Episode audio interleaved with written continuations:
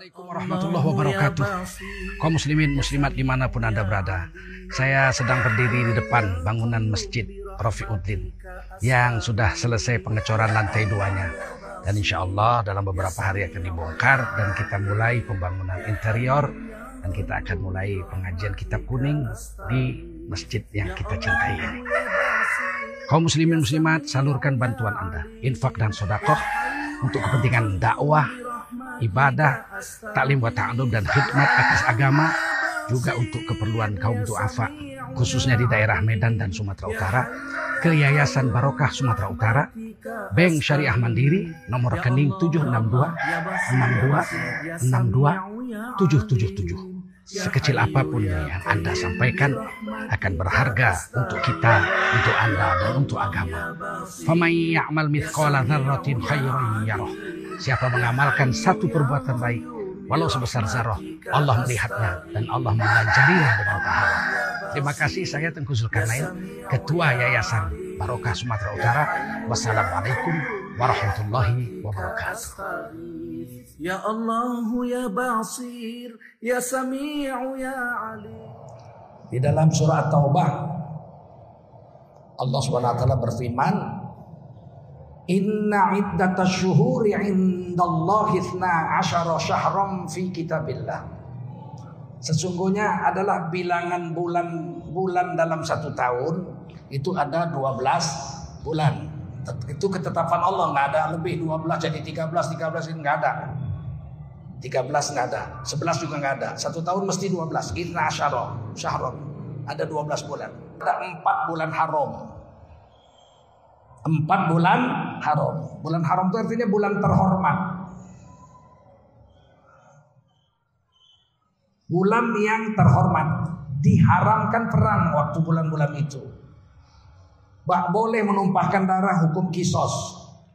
Gak boleh. Ada orang mencuri tangkap tangan udah ada, ada saksi ada pengadilan dibawa ke hakim dijatuhi hukuman potong tangan mau dipotong ternyata besoknya tanggal 1 Zulkaidah nggak boleh Zulkaidah bulan haram Zulhijjah bulan haram Muharram bulan haram satu sopar baru boleh dipotong tangannya karena bulan haram itu tidak boleh menumpahkan darah perang harus berhenti menumpahkan darah menghukum pancung orang atau menghukum potong tangan tidak boleh dilakukan Apakah bulan haram itu bulan terhormat? Ada berapa? Ada empat. Tapi namanya Allah nggak sebut.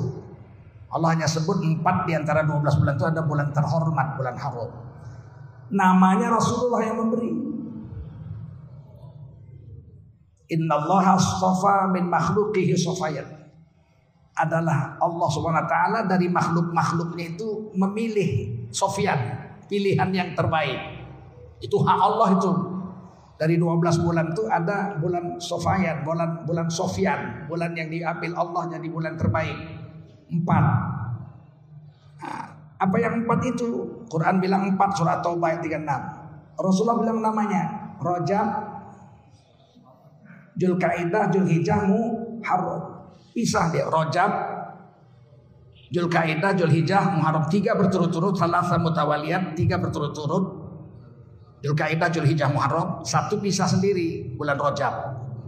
Nah, jadi Rojab, Julkaidah, Julhijjah, Muharram itu empat bulan terhormat.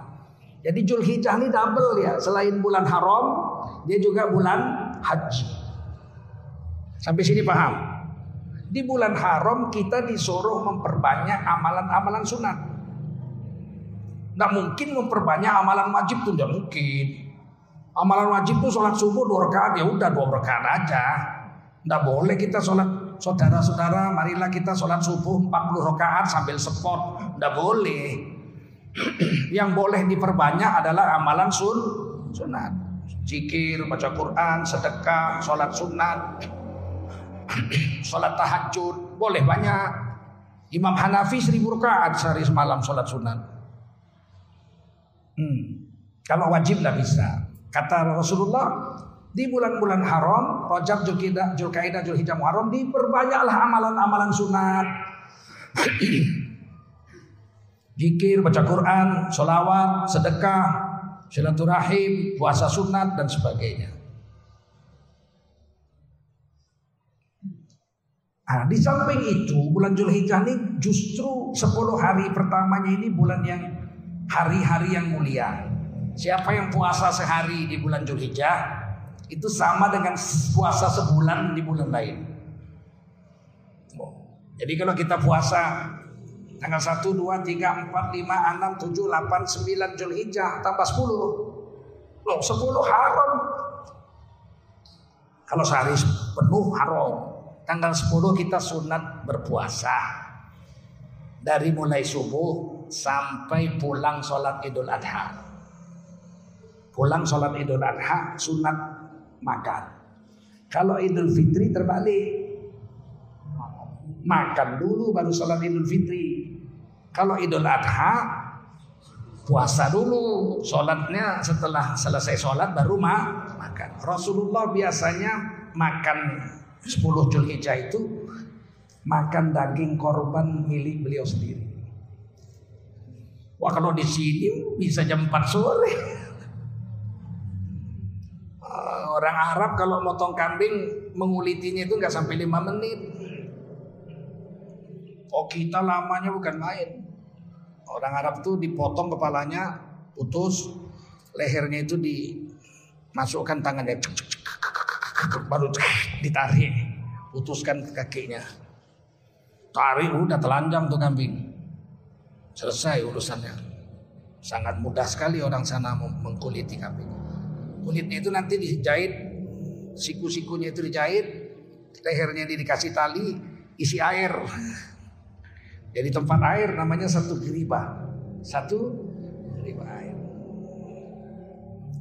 Enam geriba air, enam ekor kambing itu diisi air penuh, itu sama dengan dua kula. Dua kula itu enam kambing. Kalau di sentimeter 60 cm kali 60 cm kali 60 cm.